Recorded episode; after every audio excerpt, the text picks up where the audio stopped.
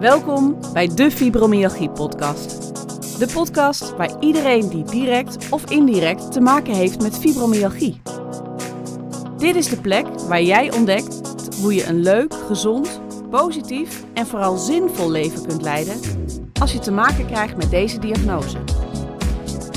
Ik ben Eline Koenjer en ik ben ervaringsdeskundige. Ik maak deze podcast namens de patiëntenvereniging VES. Dat is de afkorting voor fibromyalgie en samenleving. In deze podcast ga ik in gesprek met verschillende experts op het gebied van deze onzichtbare aandoening. En ik neem je graag mee op mijn zoektocht naar tips, trucs en ideeën om jou te informeren, maar vooral ook om je te inspireren. Ik wens je dus heel veel luisterplezier.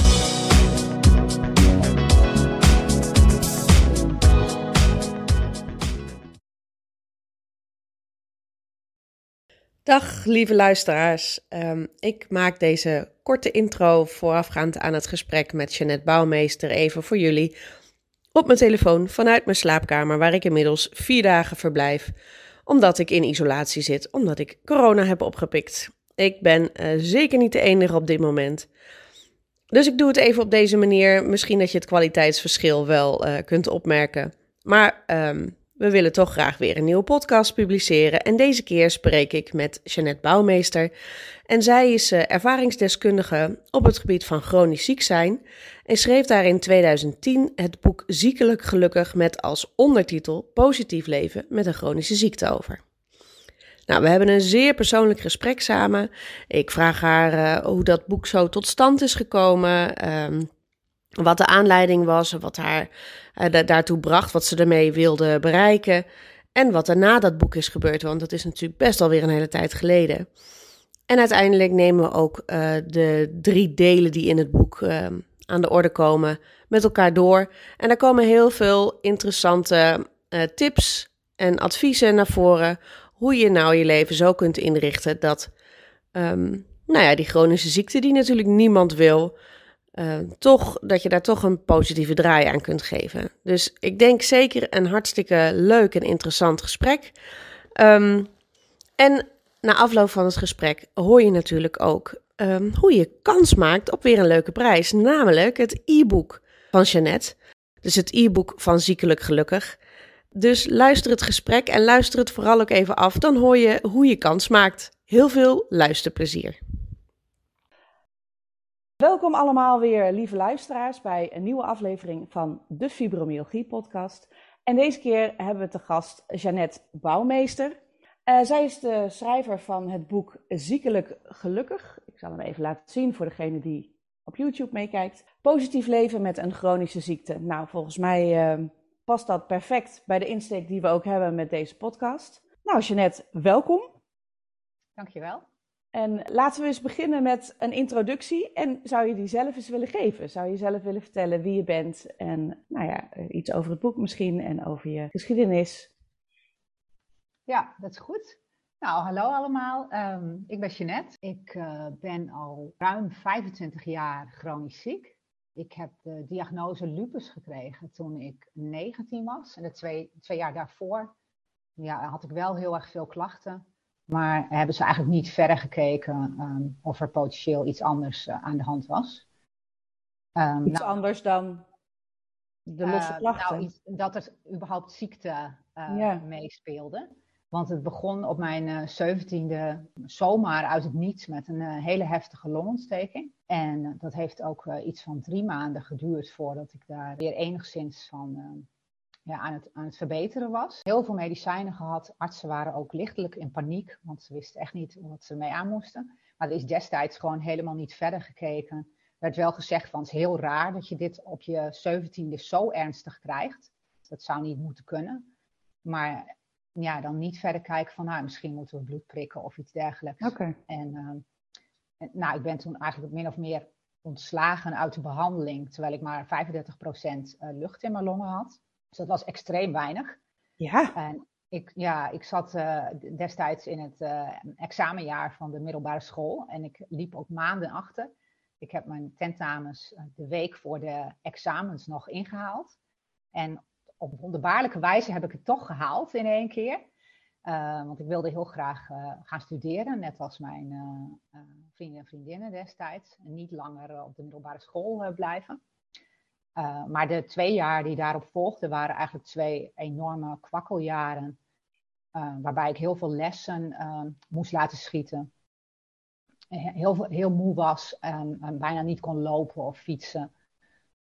En op een gegeven moment iets van, nou, bijna twee jaar later dacht ik zelf ook van, nou, dit, dit gaat zo niet. Toen ben ik met de studie gestopt en weer aangeklopt bij de huisarts. En die stuurde me toch weer door naar het, naar het ziekenhuis. En toen um, nou, volgde er wat onderzoeken en toen besloot ze bloed te gaan prikken. En toen kwam er wel meteen uit dat het een auto-immuunziekte was en dat ze niet wisten welke.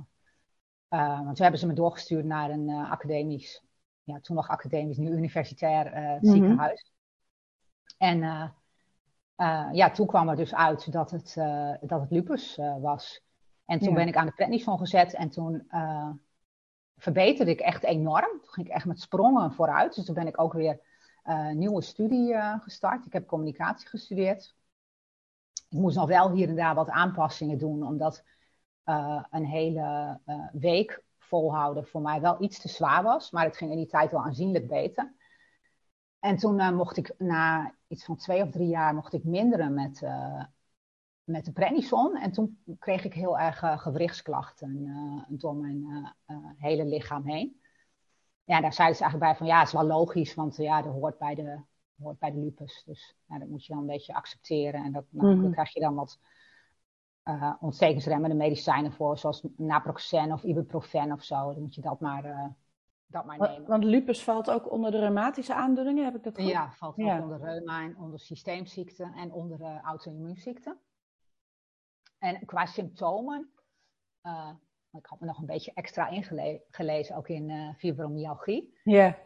lupus en fibromyalgie liggen qua symptomen wel redelijk dicht bij elkaar. En die worden ook wel eens uh, door elkaar gehaald. Dat ze niet zo goed weten wat het dan is. Nee. Dat las ik tenminste op een medische website. Oké, ja, want, ik, want in principe is fibromyalgie niet terug te vinden in bloedwaarden of in. nee, nee, dus bij lupus natuurlijk wel het geval. Ja, ja inderdaad. Ja. Dus, ehm, nou, en toen, ja, ik ben gaan werken en ja, dat ging een paar jaar redelijk goed. Eh, ik wilde wel steeds fulltime werken. En ik was in die periode eigenlijk vooral bezig met ehm, doen alsof ik helemaal gezond was. En dat heb ik bijna tien jaar lang volgehouden. Dat ik gewoon ontkende dat er iets met mij aan de hand was. En ik wilde gewoon meedoen en een normaal leven leiden. En het vooral ook niet hebben over dat ik iets had. Ik dacht, als je, het, als je het negeert, dan gaat het vast wel weg. Ja, dus de omgeving wist ook eigenlijk nergens van. Uh, nee, alleen mijn uh, beste vrienden en mijn familie wisten het wel. Maar als ik nieuwe mensen ontmoette, dan, nou, er was wel dat ik dan vaag iets zei van ja, ik heb een beetje last van mijn longen, want ik heb ooit een longontsteking gehad. Dus ik hijg een beetje veel en dan maakte ik daar een grapje over of zo. En nou, dan liet ik het verder zitten. Dus ja, ik praatte daar liever gewoon helemaal niet, niet mhm. over. En ehm, toen in, in 2006 eh, had ik uh, een baan aangenomen die uh, op een uur rijden van mijn huis was. En ik, en ik wist van tevoren dat dat gewoon fysiek te zwaar zou zijn. En ook 36 uur in de week. Ik, ja, ik wist dat het te zwaar zou zijn en iedereen raadde me ook af. Maar ik wilde het gewoon doen. Ik heb het gedaan en toen ging het na drie maanden mis. En toen kreeg ik dus twee zware ontstekingen tegelijk. Mijn longbladen waren ontstoken en mijn hartzakje was ontstoken in de borst, borstkas. En ik, nou, ik kon niet meer rechtop zitten, ik kon eigenlijk niet meer lopen. Ik kon eigenlijk alleen maar op bed liggen. En ja, zelfs naar de wc gaan, vijf meter lopen, was eigenlijk gewoon al te ver. En die ontsteking reageerde toen ook helemaal niet op prednison. En ik probeerde maar steeds maar te blijven werken. In die tijd was ik redacteur bij een uitgeverij. Ik nam ook werk mee naar huis. En toch proberen om door te gaan. En uh, ja, dat ging iets van twee maanden door dat ik maar vol bleef houden van nou, vanaf volgende week maandag is alles weer goed. En uh, het komt allemaal wel goed en niks aan de hand. Want inmiddels was je, was je wel ziek gemeld. Ja, ik was inmiddels wel ziek gemeld. Ik zat in de ziektewet, maar ik probeerde toch steeds weer naar het werk te komen en weer een half dagje werken. En nou, ik denk dat het voor niemand goed was nee. dat ik zo ehm, probeerde uh, door te doen. En eh, op een gegeven moment, na een paar maanden, moest ik naar de, de bedrijfsarts. En zij zei toen tegen mij van, je hebt nooit geaccepteerd uh, dat je een ziekte, een chronische ziekte hebt. En het wordt tijd dat je dat wel doet, want dit gaat zo helemaal de verkeerde kant op. Straks kun je gewoon helemaal niks meer. Dus en uh, ja, toen ze dat zei, toen kreeg ik wel tranen in mijn ogen. En toen dacht ik van, ja, ze heeft wel gelijk, inderdaad. En ja, ik weet ook niet wat ik hier nu eigenlijk aan het doen ben als ik steeds maar probeer, terwijl mijn lichaam eigenlijk gewoon schreeuwt om rust. Ja, ja. Uh, dus ja, vanaf toen uh, ja, heb ik gewoon echt, nou, was ik gewoon thuis en lag ik voornamelijk in bed. En op een gegeven moment. Hoe oud was je toen, even tussendoor? toen was ik 28. Ja, was ik net 28. Ja, is ook gewoon hartstikke jong om, om dagenlang op je bed te liggen. Dat is over het algemeen niet wat, je, wat de rest van je nee. leeftijdsgenoten doen. Nee, inderdaad. inderdaad. Uh, dus uh, nou, op een gegeven moment, ik had weer heel veel prednison, maar dat, dat hielp niet. En toen stuurde mijn arts mij naar een fysiotherapiepraktijk. En nou, die wisten totaal niet uh, hoe ze met mijn aandoening om moest gaan. Uh, dus ik, ik, kwam daar iedere keer uh, helemaal kapot, helemaal uitgeput weg.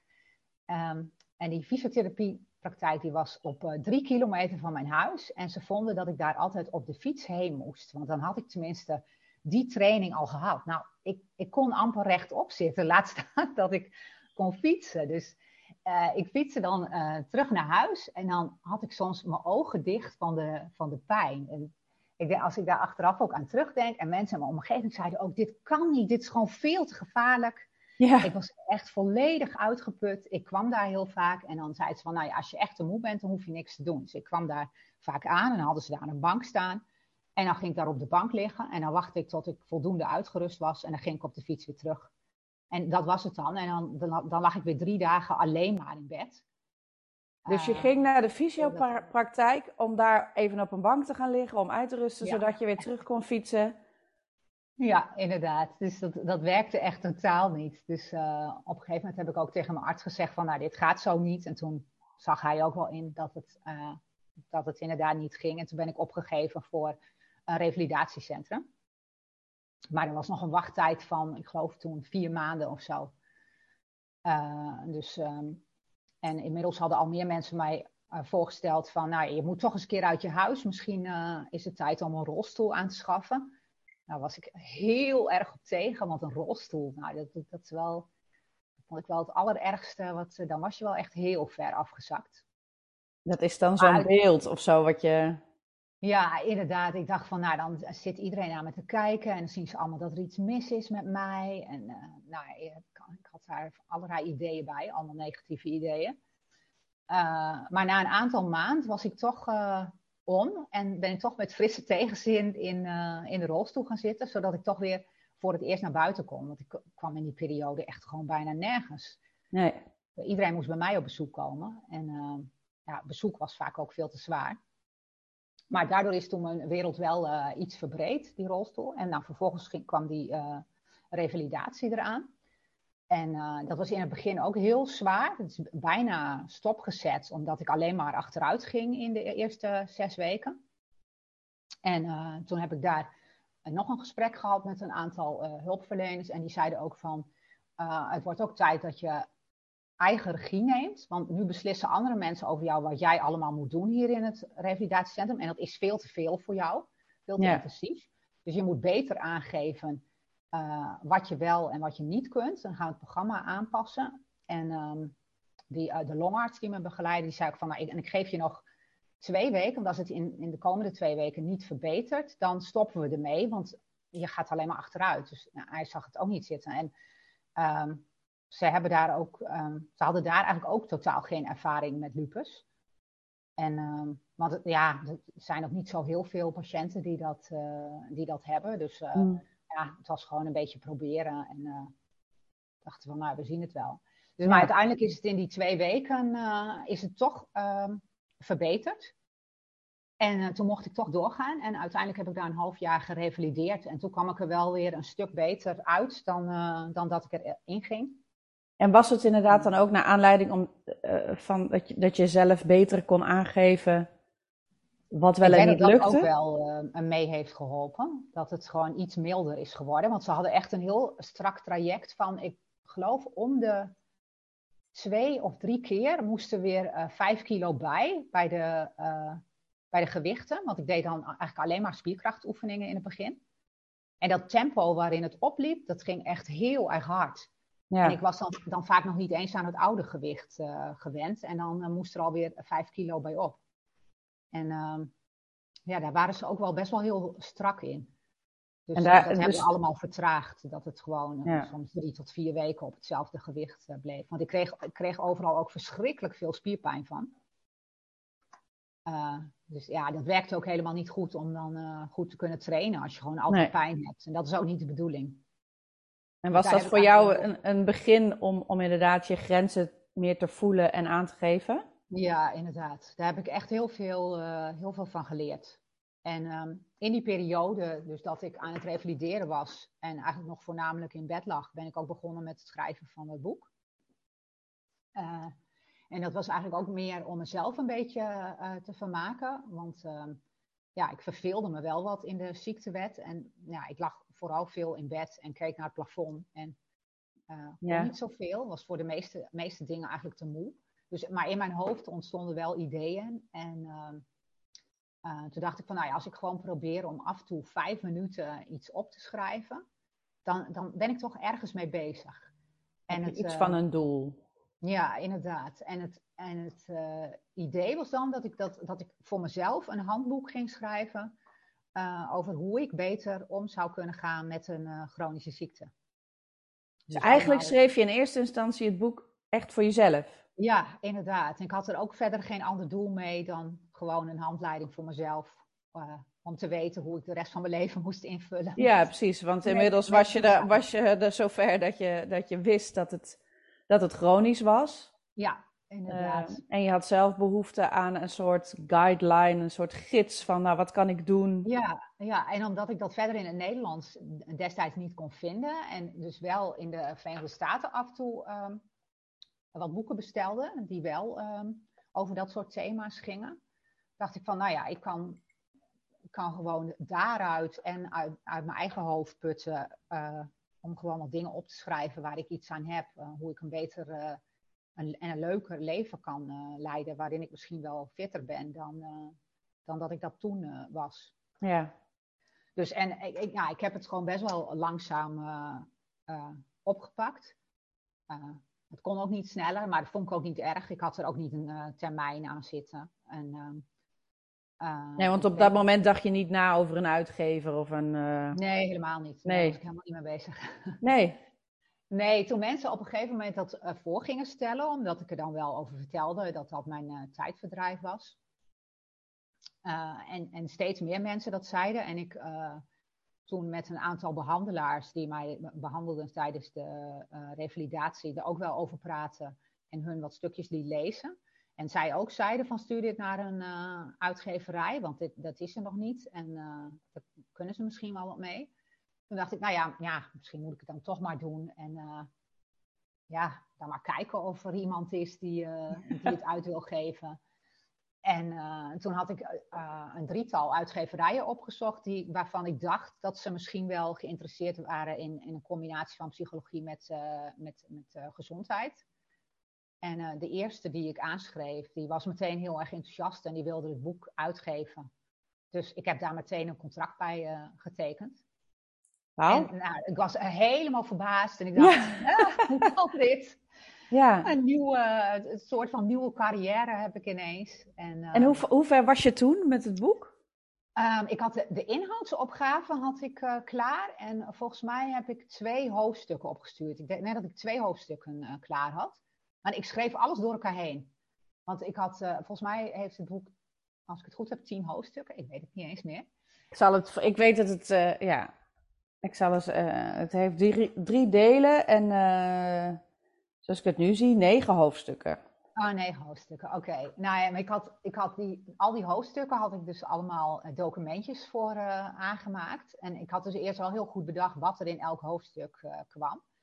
En um, als ik dan zin had om te schrijven op een dag, dan koos ik mijn dan favoriete hoofdstuk uit, waar ik het meest voor in de stemming was.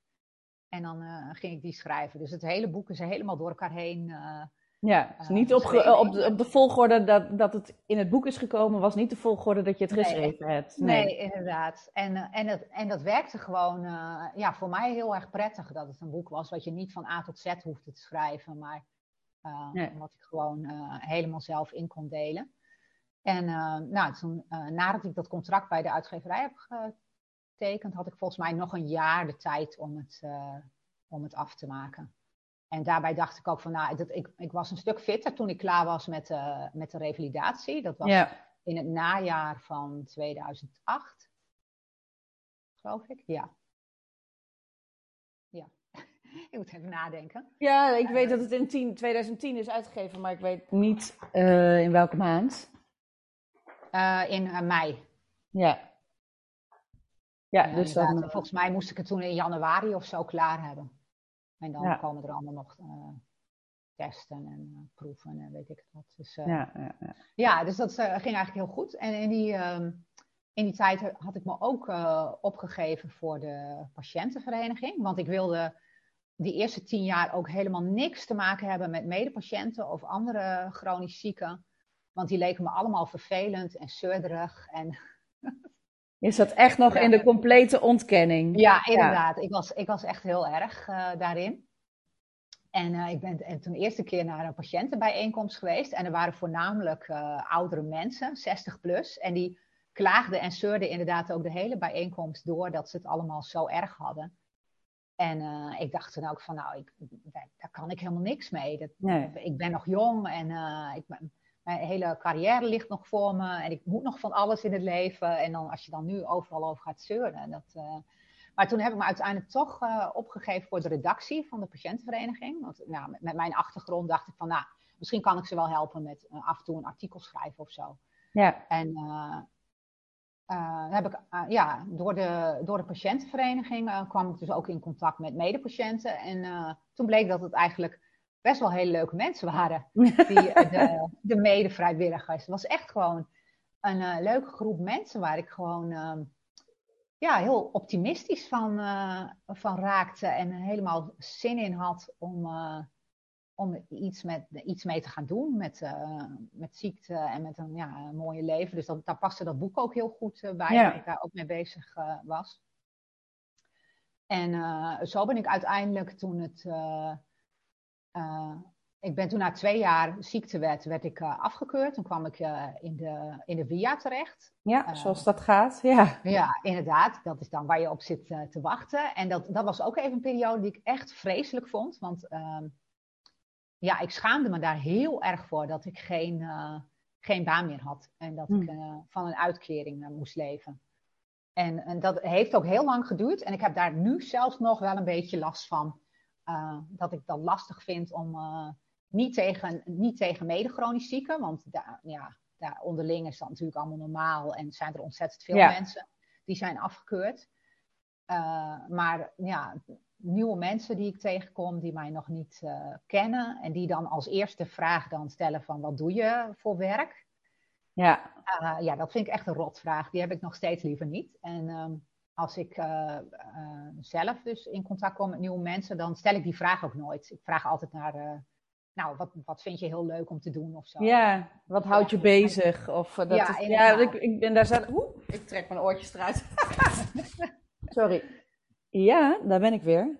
Ja. Nee, dat was voor mij inderdaad ook een heel herkenbaar stukje in je boek dat je daarover schrijft ja, dat het toch een soort standaard vraag is van mensen: van uh, wat voor werk doe je? Ook echt zo letterlijk. Ja, inderdaad. Ja. Um, en ik merk ook dat ik, het is helemaal niet zo dat ik niks doe de hele dag. Nee. Maar op een of andere manier vind ik het toch lastig om te zeggen wat ik dan wel doe. Want het is geen, het voelt voor mij niet als een baan. Maar nee, um, terwijl als de vraag zou zijn, goh, waar hou je je zo mee bezig zo, uh, hè, in, het, in het dagelijks leven? Dat zou aan, aan al een Dus zo kan je hem natuurlijk ook voor jezelf vertalen op het moment dat iemand dat vraagt. Dat, Het ging bij mij ineens van, goh, hoe, hoe doe ik dat? Ik merk ook dat ik dan een beetje, uh, dat ik me bijna verplicht voel om te vertellen um, dat, ik, uh, ja, dat ik inderdaad uh, in de via zit. En een, terwijl, ja, dat, waar, dat, dat hoef je niet, eigenlijk niet eens te vertellen. Nee, dat hoeft helemaal niet. Nee, maar dat, dat ja, dat is. Dat voelt zo of zo, omdat, je niet, omdat je niet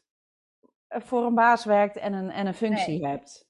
Inderdaad. Ik denk gebeurt dat psychologisch iets heel geks. Ja. ja. inderdaad. Maar ik denk dat in Nederland en sowieso in de westerse wereld is het ook toch gewoon best wel belangrijk dat je een baan hebt en dat je werkt. En ja, uh, ja als, je, als, je dat dan, ja, als je dat dan niet hebt, dat je dan, ja, je dan toch minder voelt of zo. Ja, want dat is denk ik ook de combinatie van, ja, er, er is een bepaalde verwachting, maar die zit ook, als ik voor mezelf spreek, in mijn eigen hoofd. Eigenlijk zou ik dat ook het allerliefste willen. Ja, um, inderdaad.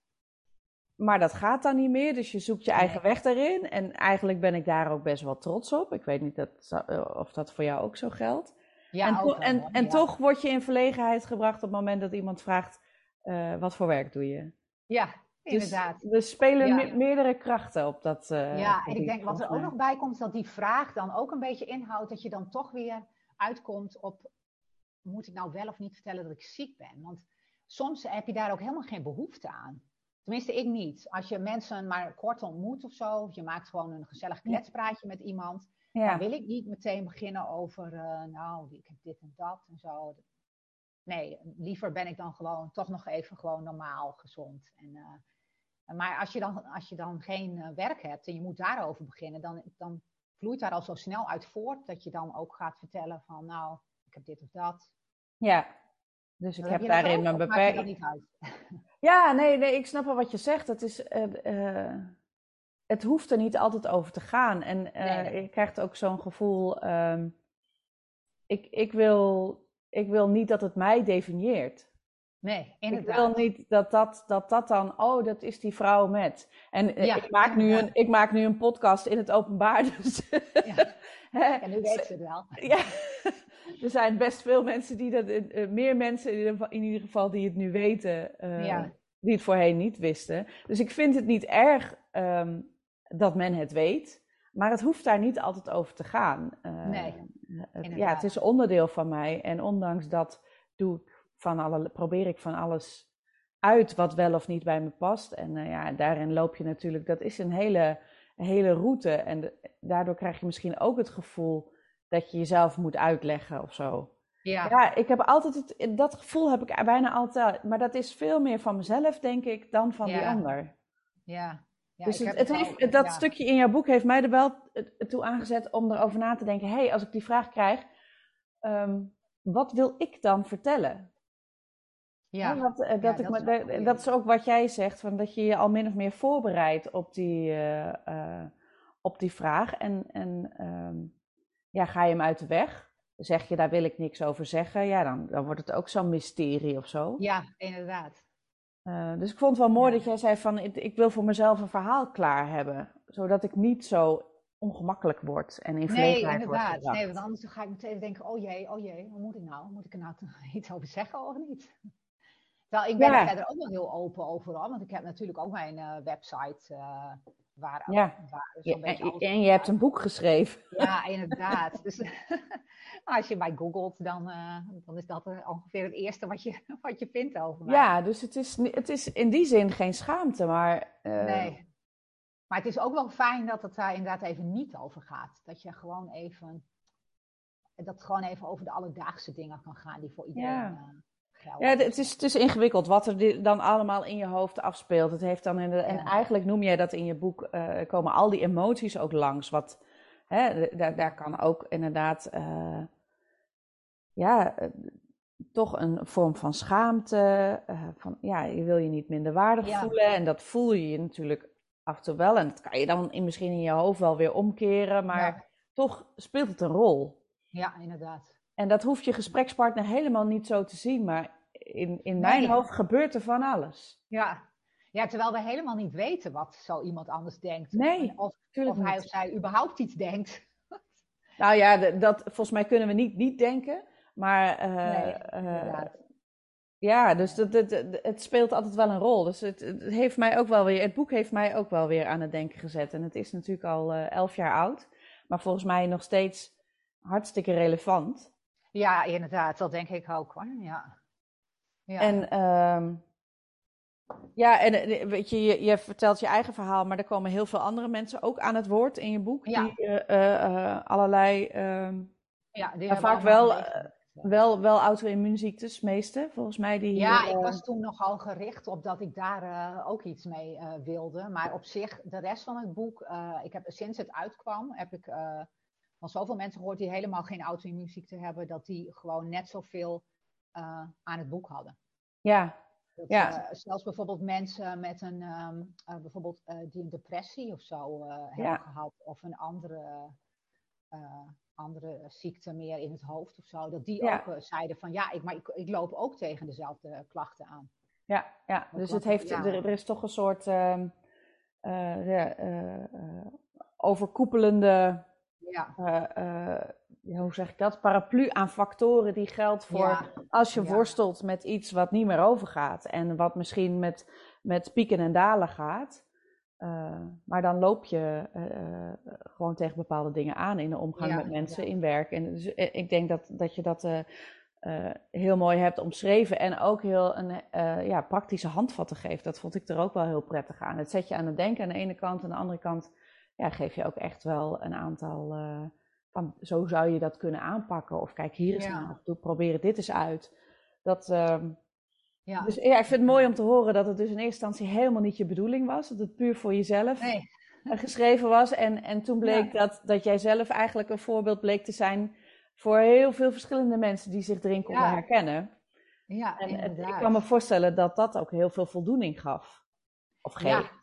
Ik had helemaal niet bedacht ooit dat ik iets met, uh, ziekte zou gaan doen. En ik heb mijn hele soort van nou, carrière, dus, aanhalingstekens, want het voelt niet echt als een, een, carrière. Ja, en dan ga je weer, maak je het weer minder. Het is een carrière. ja, maar eh, wat ik, uh, dus sinds het boek uit is gekomen, uh, heb ik eigenlijk bijna alleen nog maar dingen gedaan voor andere chronisch zieken. En dat, daar heb ik eigenlijk gewoon mijn werk van gemaakt. Nou, dat had ik van tevoren nooit kunnen, kunnen bedenken. En ja, nu, nu wil ik eigenlijk helemaal niet meer uh, anders. Want steeds als ik een keer iets anders bedenk, wat niet te maken heeft met gewoon zieken, dan denk ik toch, ja, maar nee, maar het voelt toch meer als mijn missie om toch dingen te blijven doen waar andere chronisch zieken misschien ook iets aan hebben. En dat, dat maakt dan ook nog dat het gewoon een gevoel van nut geeft of zo, dat ik inmiddels al bijna 26 jaar uh, ziek ben. Ja. Dat ik dat, dat dan met anderen kan delen wat ik daarvan uh, heb geleerd. En ja. ik, uh, we hebben toen, nadat het boek uitkwam, een jaar later, na een aantal gesprekken met het UWV, zeiden ze van, nou ja, we vinden het ook wel goed dat je dan gaat als zelfstandige aan de slag gaat. Want ze wilden eigenlijk niet meer dat ik gewoon nog weer in een gewone baan aan de slag ging. Want dan zeiden ze van, je kunt zo weinig uren. En we zien dat al helemaal verkeerd lopen. Dan lig je straks weer alleen maar op bed. Het gaat nou net iets beter met je.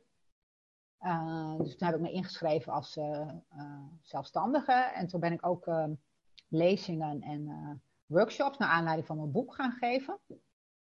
En ik schrijf ook nog wel eens teksten en doe nog wel wat redactiewerk. En ja.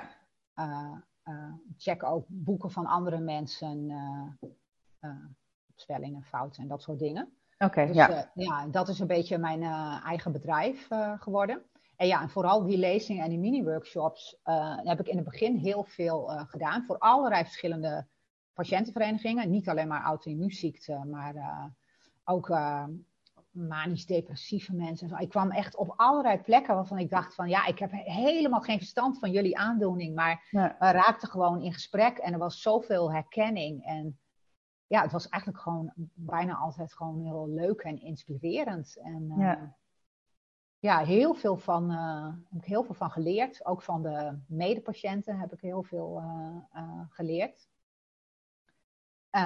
en nou, ik, ik heb dat bedrijf nog steeds, maar nou, de afgelopen jaren ben ik wel echt weer heel erg aan het kwakkelen. Hmm. Met, de ziekte wordt bij mij niet stabiel in mijn bloed. Het blijft gewoon heel onrustig. Dat betekent dat je dan snel kans hebt op nieuwe ontstekingen als je zo'n onrustig bloedbeeld hebt. Uh, en, ik, en die ontstekingen ontstaan dus steeds in mijn borstkas. Het is steeds wat er ook in 2006 gebeurde. Iedere keer uh, pericarditis of pleuritis, dat, die ontsteking van het hartzakje of van het longblad. En inmiddels heb ik daar best wel, best wel veel schade aan opgelopen. Oké, dat, dat zorgt ook voor littekenweefsel? Of, ja, ja, ja, inderdaad. Dus, dat, soms weten we niet eens meer of het nu een nieuwe opvlamming is, of dat het gewoon, of dat er al zoveel schade is dat ik, dat ik straks moet verwachten dat ik gewoon permanent pijn op de borst heb. Maar dat is nog niet het geval en ik ben zelf wel optimistisch. Dus ik ga ervan uit dat het, dat het toch steeds wel nieuwe ontstekingen zijn. En als de ontstekingsremmers ook helpen, dan kun je er ook wel van uitgaan dat het een ontsteking is. Maar in ieder geval door al dat gekwakkel uh, vind ik het wel heel erg lastig om nog uh, opdrachten aan te nemen. En durf ik ook niet zo snel ja te zeggen tegen iets. Dus dat is allemaal een beetje op een lager pitje komen te staan. Ik ben toen ook na negen jaar of zo ben ik in 2016 geloof ik gestopt met, met de patiëntenvereniging, met mijn werk daarvoor, zodat ik meer tijd had voor mezelf. Ook al was dat vrijwilligerswerk, kostte me niet heel veel uren in de week, want dat kon ik ook helemaal niet. Maar ik ben vorig jaar met een vriendin die ik ken van de patiëntenvereniging. Die werd, ik, was, ik was eerst eindredacteur en zij heeft mijn werk als eindredacteur van het magazine overgenomen. Ja.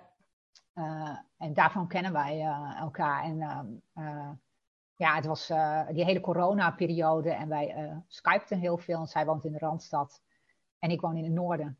Ja. En nou, we waren aan het praten over dat het toch bij het, bij het patiëntenblad dat het altijd wel heel vaak over uh, ziekte ging. En wij lazen voor de patiëntenvereniging ook alle patiëntenbladen van alle andere uh, verenigingen. We hebben ook regelmatig dingen uit het Vestmagazine overgenomen. Dan wel, wel gevraagd natuurlijk. Ja, ja. Uh, maar omdat dat gewoon ook heel relevant dan was uh, voor ons. Maar het ging vaak over, over ziekte, medicijnen, therapie en zo. En dat is ook logisch, want het is een patiëntenvereniging. Dus dat is ook, ook gewoon de insteek. Maar wij dachten van, nou, misschien kunnen wij iets opzetten wat echt ingaat op, nou, hoe kun je dingen nog wel doen? Echt een positieve insteek van hoe kan ik een leuker leven leiden. Uh, en hoe kunnen dingen waarvan ik denk dat ze niet kunnen, toch voor mij ook, uh, ook lukken. Geschikt worden, ja. Ja, inderdaad. Dus dat, dat was een beetje onze insteek. En dachten van, nou, dan willen we wel een, een online magazine maken. En we, we, dachten ook dat dat er nog niet is. Nou weet ik het niet helemaal zeker, want ik heb natuurlijk niet het hele internet uitgepluist. Om te nee. dat nog niet maar in ieder geval is het niet gemakkelijk vindbaar, want anders nee, had je het inderdaad, wel inderdaad. Ja. Uh, dus toen zijn we daar, we, dat, dat idee kwam bij ons op eind september. En uh, ja, dus zijn we in de maanden daarna, kregen dat steeds meer uh, vorm. Hebben we allemaal uitgezocht hoe we dat moesten doen. En hebben we helemaal zelf opgebouwd. En toen is op 1 mei van dit jaar is thrivingmagazine.nl online gekomen. En dat, ja, het is dus een, een positief online magazine voor chronisch zieken en eh, voor mensen met een beperking. En nou, ik moet zeggen dat wij wel een beetje denken vanuit onszelf dat we, wij onze grootste klachten zijn vaak pijn en moeheid. En nou, dat is bij de meeste chronisch zieken zo. Dus het is wel een beetje vanuit die uh, gedachtegang dat we kijken naar hoe bepaalde dingen uh, nog wel kunnen. Omdat wij minder kennis hebben van bepaalde andere beperkingen. Weten we ja, precies. Nee, maar dan, dus, dus, want dat komt inderdaad vaak voor bij mensen die chronisch ziek zijn, zijn staat de pijn en de vermoeidheid vooraan. Als, je het, als het gaat over um, wat je in het dagelijks leven het meest beperkt. Ja, inderdaad. Ja. En, en dan, de, de, de, excessen zoals ik die bij jou ook hoor, als er, als er sprake is van ontsteking en je ligt, je ligt op je bed, ja, dan, dan kun je ook gewoon even niet zoveel anders. Nee, uh, hè, dus die momenten, uh, daar kun je ook niet zoveel advies in geven, denk ik. Maar vooral. Nee, uh, kan ook niet. Ja, nee. de, de, dagelijkse vermoeidheid en pijn is denk ik ook zeker bij fibromyalgie en bij heel veel andere aandoeningen. Wat het meest op de voorgrond en het meest beperkend ja. werkt. Ja, inderdaad. En hoe hou je het dan toch nog leuk? En, en ja. hoe hou je toch nog je grenzen in de gaten? Wat lukt wel, wat lukt niet? En hoe hou je die balans? Ik denk dat dat iets is waar we met z'n allen echt wel mee worstelen. Ja, inderdaad. Ja, want soms kun je ook gewoon in zo'n negatieve spiraal komen dat je het idee hebt dat je overal nee op moet zeggen. Dat je gewoon bijna niks meer doet, omdat je gewoon je alleen maar moe voelt. Ja. En alleen maar overal pijn van krijgt en denkt van het lukt me allemaal niet meer, dus ik zeg gewoon nee. Nee, en, wat je dan krijgt, tenminste, dat is uh, bij mezelf ook. Op een gegeven moment doe je dan alleen nog maar wat echt moet. Ja. Waarvan je, uh, ja, nou ja, voor de kinderen zorgen, je huishouden, de boodschappen. Ik werd daar persoonlijk echt heel ongelukkig van. Ja, en voor je het weet zit je in een depressie. En uh, ja, daar heeft, daar heeft ook niemand wat aan. Nee, inderdaad. Ja. Dat ga je ook niet volhouden. Je moet ook af en toe echt gewoon leuke dingen in je leven hebben. Zodat je ook plezier hebt uh, aan je leven. En als al je energie opgaat aan alles wat moet. Ja, dat ja. is echt, uh, echt, heel zonde. Ja. Dus, maar ja, we kijken dus naar bijvoorbeeld hoe je, hoe je dingen dan op allerlei manieren wel kunt doen. Bijvoorbeeld met, met hulpmiddelen of dat is heel praktisch eigenlijk. Ja, inderdaad. Er, komen wel steeds meer nieuwe dingen ook uh, op de markt, zoals uh, uh, opvouwbare van die um, scootmobielen. Ja. die je dan ergens op kunt laden, maar die je ook, ook gewoon mee kunt nemen. dus als je dan niet zo lang kunt lopen in een pretpark, dan kun je zo'n ding gewoon lenen. Je hoeft ze niet eens zelf aan te schaffen, maar je kunt, ze zijn gewoon te huur. Ja. Veel van die dingen, dat denk ik zelf altijd, van uh, als je soms wel kunt lopen, soms bijvoorbeeld niet kunt lopen, omdat je de ene keer te moe bent en de andere keer dan heb je net weer wat meer energie. Je wil ook niet je huis volzetten met allemaal van die uh, medische hulpmiddelen. Nee, je zet ook geen bed in, de, in je kamer als je niet altijd uh, niet naar boven Nee, inderdaad. Kunt. Ja. Dus het is echt ontzettend fijn dat je gewoon ter plekke dan iets kunt lenen. Ja. En, en dan toch mee kunt met je, met je gezin of uh, ja. op een familie. Uh, ja, ja, dat zijn ook dingen die wij inderdaad hier in, in de podcast uh, vaak noemen. Van dat soort handige trucjes, ja, hulpmiddelen. Om het jezelf gewoon wat gemakkelijker te maken. Waardoor dingen ineens wel blijken te kunnen. Ja. En, ja, mooi. En wil je nog een keer zeggen hoe, de, hoe het magazine heet en waar we het kunnen vinden? Ja, Thriving Magazine. Uh, en daar staat dan .nl achter voor de website. En uh, we hebben ook uh, Instagram en Facebook. En Thriving is het dan met T-H-R? T-H, ja, T-H-R-I-V-I-N-G. Ja, Thriving. Ja, ja. ja, van opbloeien. Ja, ja, precies. Nou ja, en dat zoiets ontstaat dan in een hele negatieve periode als de coronacrisis. Daar zijn toch weer hele mooie dingen uit ontstaan. Ja, ja, vind ik ook altijd uh, heel inspirerend om te horen. Nou, we hebben best al heel veel uh, besproken en we zijn ook al best een tijdje in gesprek. Uh, ja. Volgens mij kunnen we ook nog wel uren doorpraten. Ja.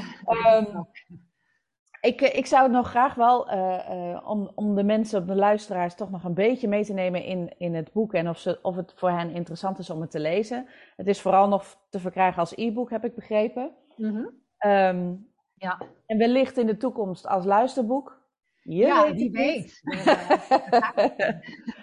um, maar als, als we kijken naar je boek, dan is het, uh, is het in drie delen ingedeeld. Ja, klopt. Uh, en eigenlijk begin je heel mooi zoals je eigen pad ook is, uh, is gestart met de ontkenning. En, en wat er dan ook aan emoties langskomt. Kun je iets vertellen over dat eerste deel?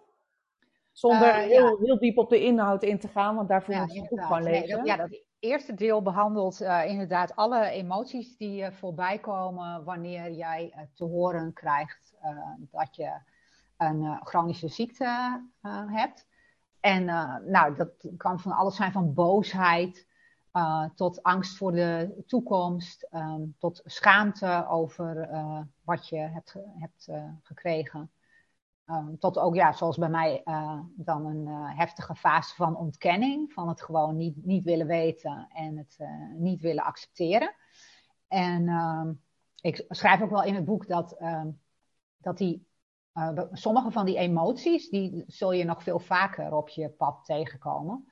Want nou, je kunt ze op een gegeven moment wel, wel aardig verwerkt hebben. Dat je gewoon denkt van, nou, het is oké, ik heb dit min of meer geaccepteerd uh, ik kan nu verder met mijn leven, maar het is heel vaak als je dan weer een opvlamming krijgt of je krijgt er een nieuwe uh, klachten bij die je voorheen uh, nog niet had of gewoon een slechtere periode, dan, dan merk je vaak toch wel dat er dan toch weer bijvoorbeeld boosheid... Het proces eerst wordt van opnieuw... Eh, ja, inderdaad. het herhaalt zichzelf soms ook wel weer. Of dat je ineens toch toch nog heel erg verdrietig wordt erom dat je, dat je heel veel dingen eigenlijk niet, uh, niet meer kunt die je zo graag, uh, zo graag had willen doen in je leven. ook dat is oké, hè? Dat, dat Is het dan ook een hoofdstuk dat je er dan nog weer eens een keertje opnieuw bij kan pakken van, oh ja, deze emoties ja, komen langs en die zijn, die zijn ook logisch op dit moment. En, Ja, inderdaad. Want eigenlijk, is, eigenlijk zijn bijna alle emoties die je potentieel voorbij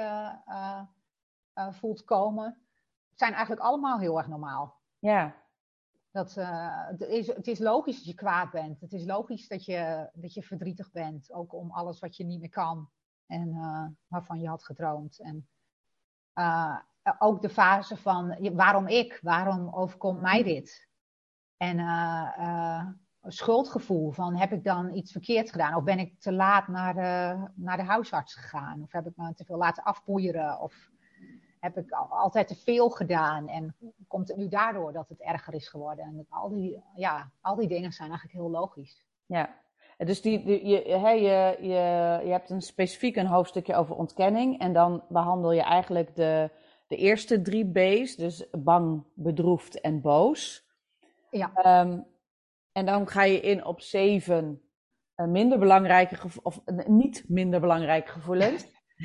maar wat ja. genuanceerdere uh, gevoelens. Ja. En uiteindelijk kom je bij de B van blij in hoofdstuk ja, Ja, die moest er toch bij. Ja, ja die hoort ook blij zijn, hoort erbij. Ja. Ehm, zou je zeggen van, je kunt dat, um, je leest het eigenlijk door zoals, eh, om je erin te kunnen herkennen. En daarnaast geef je ook tips hoe je ermee om kunt gaan met die emoties. Ja. ja. inderdaad. Ja, ja en, en, ja, hopelijk hebben mensen daar, daar wat aan. Ja, nou, het, het kan in ieder geval op het moment dat je, er, dat je er weer even in verzandt en al die emoties overspoelen je weer, dan zal, is dit een hoofdstuk dat je dus vaker even kunt doornemen. Dat je denkt, oh ja, wacht even.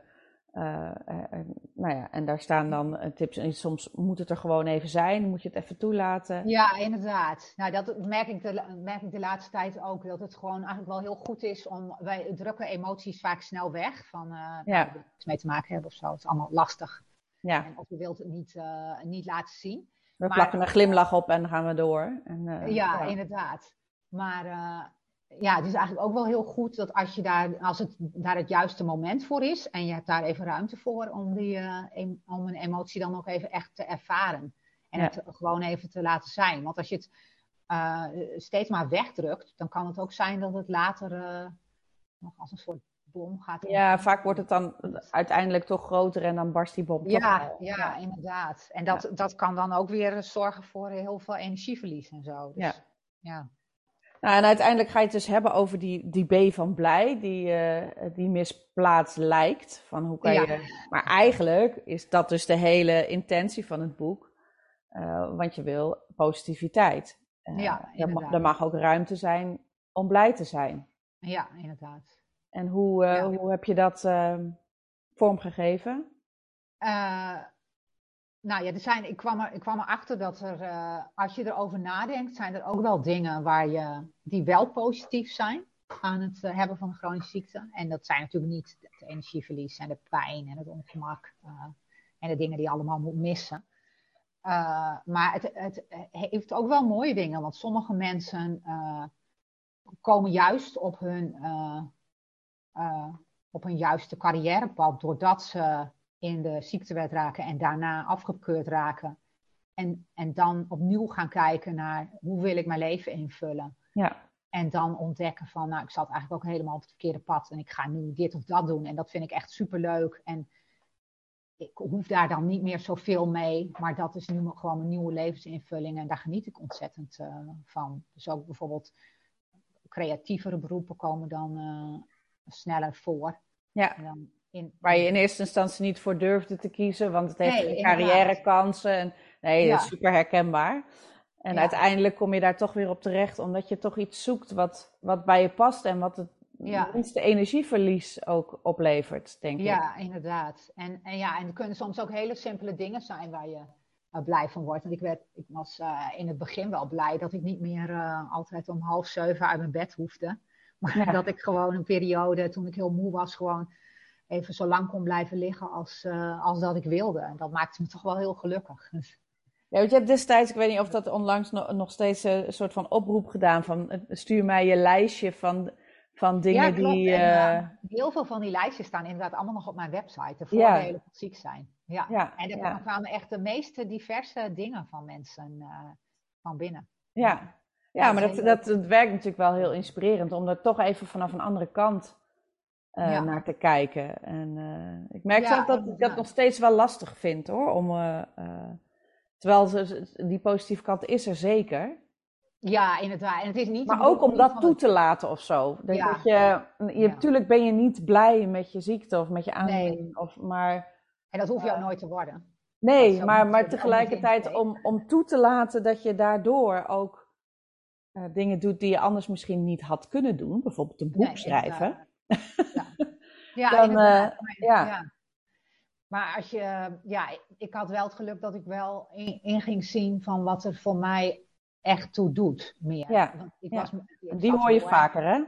Ja, inderdaad. Ik, zat, zat, ik ging gewoon heel erg mee in de flow van het alledaagse bestaan, zeg maar. En je, eh, je deed gewoon wat je moest doen en je werkt gewoon. En nou, alles volgens het vaste stramien, wat de gemiddelde Nederlander nog steeds uh, doet. En, en je denkt daar dan niet zo snel over na. Maar pas als je daar zeg maar, uit wordt gerukt door, uh, door ziekte of door pijn, dat is vaak dan wel een moment waarbij je dan toch even stilstaat bij, ja, wat, wat wil ik nou echt? Wat, wat is me dit waard? En, en voor wie doe ik iets eigenlijk? Want als iets je echt zoveel energie kost en zoveel pijn kost, dan, dan is het vaak ook wel logisch dat een volgende stap dan is dat je je afvraagt: voor wie doe ik dit? Ja, ja precies. En dat is dan meteen ook, hè, die, die blij is ook meteen een soort eens of een soort bruggetje naar het volgende deel. Ja, Want dan ga je het hebben over, ja, en nu verder. Wat, um, ja. Hoe ga ik dan, nu ik het, hè, je zegt ze ook steeds min of meer geaccepteerd heb, ja. nu het er dan ook echt is in mijn leven, hoe ga ik dan, hoe ga ik dan verder? En jij, bouw, jij, jij geeft aan, bouw een feestje. Toch? Ja, ik had inderdaad toen een, uh, een feestje bedacht. Maar ik, uh, wat, ik, wat ik nu nog steeds doe, is het niet meer dat, uh, dat feestje. Maar ik vier meestal wel mijn ziektedag. En dat kan ook wel heel bijzonder klinken. Maar die, ja, die dag is voor mij 25 februari. En ja, dat was de dag dat ik de eerste symptomen kreeg. Ik kreeg toen niet de diagnose. Maar ik, dat is wel een dag waarbij ik daar nog even bij stilsta. En dan ja, terugkijk op alle jaren van ziekte. En, en ja, dan vaak ook of iets leuks ga doen of iets iets, iets bijzonders met een bepaalde betekenis voor mezelf aanschaf. Of, of, of, iets met vrienden samen doe. En dan toch even bij stilstaan van, nou, hoe zagen nou die afgelopen ziektejaren eruit? En, en, en hoe vind ik het zelf gaan? En wat wil ik voor de rest van mijn. en wat is, wat is dan je, je doel daarmee om dat, om dat jaarlijks terug te laten keren? Ja, het, ja, het is een, een beetje een soort van herkennen, ja, een, een. Uh, ja, Heeft het toch nog, zeg maar, met een soort voortdurende acceptatie, erkenning te maken? Ja, ik denk dat ook. En, wat, en ook wat het je gebracht heeft en hoe ver je bent gekomen. Ja, dat je dat toch iedere keer weer even voor jezelf. Ja, inderdaad. Ja, en ook, ja, en ook wel echt even stilstaan bij het, uh, bij het positieve. Omdat ik ja. dat natuurlijk ook wel regelmatig weg kan uh, zinken in. Uh, het gaat allemaal zo slecht. Ja, ja. Niet, want, dat is ook, want sommige mensen dachten uh, ook wel eens van dat de hele insteek van het boek is dat je altijd maar vrolijk en uh, positief bent. Maar dat is, niet, uh, dat is niet de bedoeling. En dat ben ik zelf ook heus niet altijd.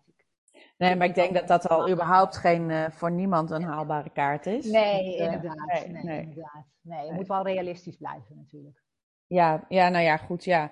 Maar zo begin jij wel het, het, ehm, het tweede deel, hè? Echt het, het leven is soms waardeloos feest. Of een feestje als ritueel voor afsluiting. Ja. En je geeft zelfs uh, een stappenplan voor het feest. En uh, je hebt het over nazorg. Dus het is allemaal heel concreet. En het is natuurlijk de vraag of iedereen dat op die manier wil doen. Maar ik denk dat het, dat het een voorbeeld is van hoe je daarmee om zou kunnen gaan. Nou ja, het idee was ook om dan een tegenhanger te hebben tegen uh, voor uh, een nare periode waar je bijvoorbeeld uitkomt. Want uh, de diagnose krijgen en En, en, en, en, de, en, de, opstart van het leven met een, met een ziekte en de aanpassingen die, die je moet maken. Dat, is allemaal, dat zijn eigenlijk allemaal vervelende, nare dingen. En daar mag ook wel iets leuks tegenover staan. Dus dat je dan bewust iets leuks gaat doen. Het hoeft, hoeft niet een feestje te zijn, maar uh, kan ook, mag ook iets anders zijn. Maar dat je een beetje tegenwicht biedt. En dat je, dat je je dan ook herinnert van, nou, het leven moet ook leuk zijn. Dus ik moet ook denken aan, uh, hoe kan ik het zelf leuker maken. Ja, ja. Het leven is een feest, maar je moet zelf de slingers ophangen, dat idee. Uh, ja. ja, en, en dan ga je uh, een, inventaris een inventarisatie maken van, je, van uh, hoe ziet maar eigenlijk mijn leven er nu uit. En vervolgens ook een wensenlijstje maken voor wat zou ik in de toekomst willen. Dus eigenlijk maak je het ja. heel concreet dan. Ja, en dat wens wensenlijstje was ook bedoeld omdat nou, de meeste mensen die een chronische ziekte krijgen, gaan wel een paar dingen die ze heel leuk vonden eh, verliezen, omdat dat bijvoorbeeld niet meer kan. Mm Hobby's zijn, of uh, nou ja, het kan van alles uh, zijn, of je werk, of ja. nou, noem maar op wat het kan zijn. en, en dat is vaak wel heel lastig, merken dat je bepaalde dingen niet meer, niet meer kan. En nou, soms lukt het op geen enkele manier meer, maar meestal is er wel een alternatief te bedenken. Niet dat jij dat alternatief dan altijd leuk vindt. Het kan ook zijn dat je daar ook weerstand eh, tegen voelt. Mhm. Maar uh, ja, die inventarisatie en dan daarmee een wensenlijstje maken, dan kan je ook weer op nieuwe ideeën brengen van, nou ja, ik deed wel altijd dat en dat kan ik nu niet meer en daar baal ik heel erg van. Maar dit staat eigenlijk ook nog op mijn wensenlijstje. En dat kan ik misschien wel op de een of andere manier doen. En dan ga je dat uh, aan je leven toevoegen. Toevoegen, ja. Ja, ja. ja maar het, het geeft ook een soort van, toen ik het las in ieder geval, het gevoel dat je toch weer het, dat je iets van eigen controle krijgt. Hè? Want op het moment, er wordt natuurlijk van alles. tenminste, ik herken wel het gevoel dat je dan denkt, ja, uh, het overkomt me allemaal maar. En, uh, en daardoor ben, raak ik van alles kwijt. Uh, bijvoorbeeld mijn baan. Ja. Um, ja, dat is, dat is natuurlijk verlies en rouw en dat, dat uh, moet je verwerken.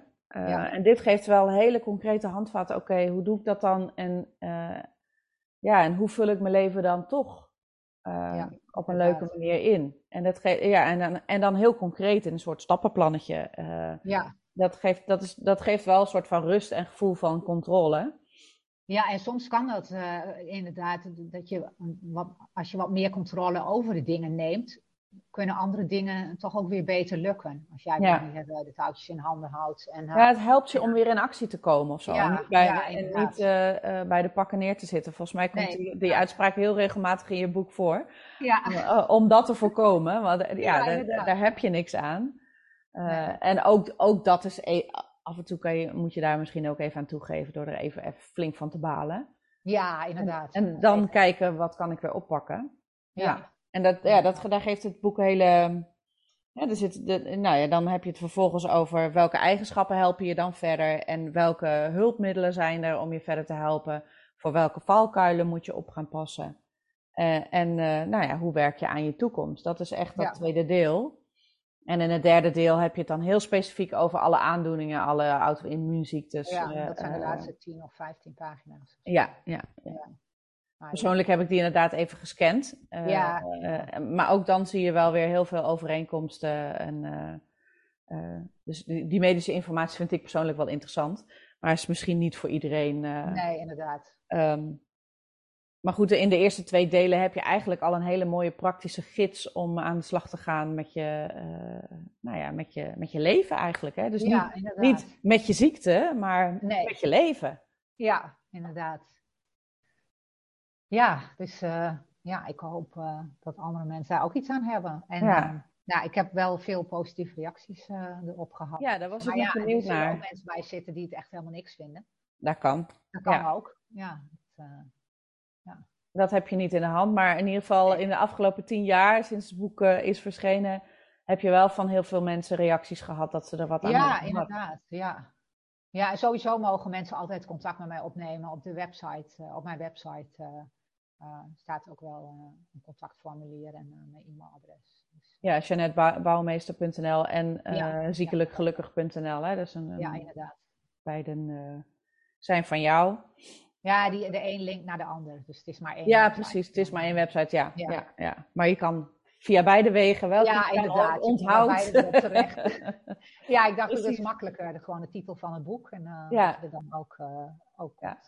ja. Ja, en het is mooi om te horen dat je dus eigenlijk door zelf dat boek te schrijven, jezelf daarin ook hebt ontwikkeld. En daardoor eigenlijk weer nieuwe mensen hebt ontmoet, daar weer van leert en dat dan weer deelt. Ja, dus het ja. is een soort. Ja, ja inderdaad. En ik, eh, ja, ik schrijf nog steeds zo, zo nu en dan ook nog wel uh, blogposts op, uh, op mijn eigen website. En ik ben mezelf ook nog steeds door aan het ontwikkelen. Dus ik hoop dat ik zelf ook nog tot veel nieuwe inzichten kom. Ja, ja. Nou ja. ja, want, ja het leven is ook wel leren. En, het is iedere keer. Ja, ja. En, en mooi om te horen dat het dus zoveel voldoening geeft. Dat je. Um, nou, dat je eigenlijk je, je eigen ontwikkeling en je eigen stappen deelt met anderen. Uh, die dat dan weer heel erg snappen en daar weer veel aan hebben. En dat je dus op, die manier best je. Kijk, niet iedereen hoeft een boek te gaan schrijven, denk ik. Uh, zo ben ik natuurlijk ook begonnen met deze podcast. Ja, inderdaad. Uh, en het is, het is grappig om te zien dat je dus eerst in de volledige ontkenning zit en er niks mee te maken wil hebben. En dat het dus uiteindelijk je carrière is geworden. Ja, ja, je, je pad wat je bewandelt. Uh, ja. Wat gewoon ik denk klopt. Ook dat, eh, ik denk ook dat uiteindelijk misschien ook het doel is van wat, wat wij en andere chronisch zieken doen, die, die meer bekendheid geven aan de ziekte en daarmee werken. Dat het ook gewoon normaler wordt in de samenleving. Dat, het, dat we gewoon accepteren dat er ook best wel veel mensen uh, dagelijks te maken hebben met, uh, met chronische ziekte. En dat uh, hun leven daar best wel op aangepast moest worden. En, maar dat dat ook gewoon normaal is. En, ja. ja. En zo, en, want iedereen, hè, ieder huisje heeft zijn kruisje en, uh, ja. en, elk mens heeft wel wat. En uh, ik denk dat, dat wij niet een, um, niet per se een uitzonderingspositie hebben. Ik denk dat zelfs mensen zonder chronische ziekte heel veel herkennen in de verhalen van, van uh, mensen die het wel hebben en hoe je daar dan mee dealt. En dat, dat, dat hoeft niet, hè, voor de ene is dat misschien een keer een gebeurtenis en voor de ander is het chronisch. Maar um, ja, we zijn allemaal mensen met onze emoties en, en, uh, en, en ons aanpassingsvermogen. Want ja. je hebt nou helemaal niet in de hand hoe het leven loopt. Nee, dat zien we nou maar weer in de afgelopen tijd natuurlijk. Ja, ja. ja inderdaad. En ook daar komen weer mooie dingen uit voort. Ik, ja, ik hoop het wel. Ik uh, denk het wel, ja. Ja, ik denk het ook. Uh, zijn er nog dingen die je nog graag kwijt wil aan de luisteraars? Zijn er dingen waarvan je zegt, nou, dit, dit moet ik nog echt even meegeven? Of hebben we alles voor dit gesprek wel een beetje kunnen behandelen? Ja, ik denk het, ik denk het wel. Ik, we, hebben wel. we hebben het over zoveel dingen gehad. Ja, het is alweer bijna moeilijk om het terug te halen. Het fijne is, ja, je kunt het terug luisteren als de podcast uitkomt. Ja, ja, er zijn eh. ongetwijfeld dingen niet ter sprake gekomen, maar uh, ik, ik, weet zo, uh, nu zo even niet meer wat dat dan. Nee, nou laten we in ieder geval ook aan de luisteraar over. Als die vragen hebben of opmerkingen, kunnen ze natuurlijk altijd bij de VEST terecht of bij jou terecht. En mocht nou blijken dat er nog hele ehm, belangrijke onderwerpen niet besproken zijn, dan maken we gewoon nog een nieuwe aflevering samen. Dat kan, natuurlijk altijd. Ja. Um, voor nu wil ik je heel erg bedanken voor je medewerking en je, uh, je inspirerende verhaal en je mooie boek. Um, Graag gedaan. Het is dus uh, het is als e-book uh, verkrijgbaar. Ja. op de bekende plekken. Um, nou, en, en meer informatie kun je vinden op de website die, die je beheert. Of vraag het inderdaad aan ons via de VES. Ja. iedereen bedankt voor het luisteren. En heel graag tot de volgende keer. Nou, dat was weer een nieuwe aflevering. Wat een inspirerend verhaal, of niet? Ik vond het in ieder geval van wel. Ik vond het boek ook heel inspirerend. En uh, wil je nou kans maken op dat e-book? Um, nou, mail ons dan je gegevens via podcastapenstaatje vesinfo.nl met als onderwerp boek Jeannette. En wie weet kom jij dan als gelukkige winnaar uit de bus. En we horen natuurlijk ook nog steeds graag wat je van deze podcast vindt. En misschien kun je ons uh, met ons delen wat, uh, nou ja, jouw lijstje van ehm, eh, positieve dingen die je toch uit jouw uh, huidige situatie haalt. Daar zijn we heel benieuwd naar. En ehm, mocht je ook graag een keer je verhaal via de podcast willen delen, of weet je iemand die we zouden moeten vragen als gast, laat het ons vooral weten. Kan via hetzelfde e-mailadres of via de socials. En heel graag tot de volgende keer.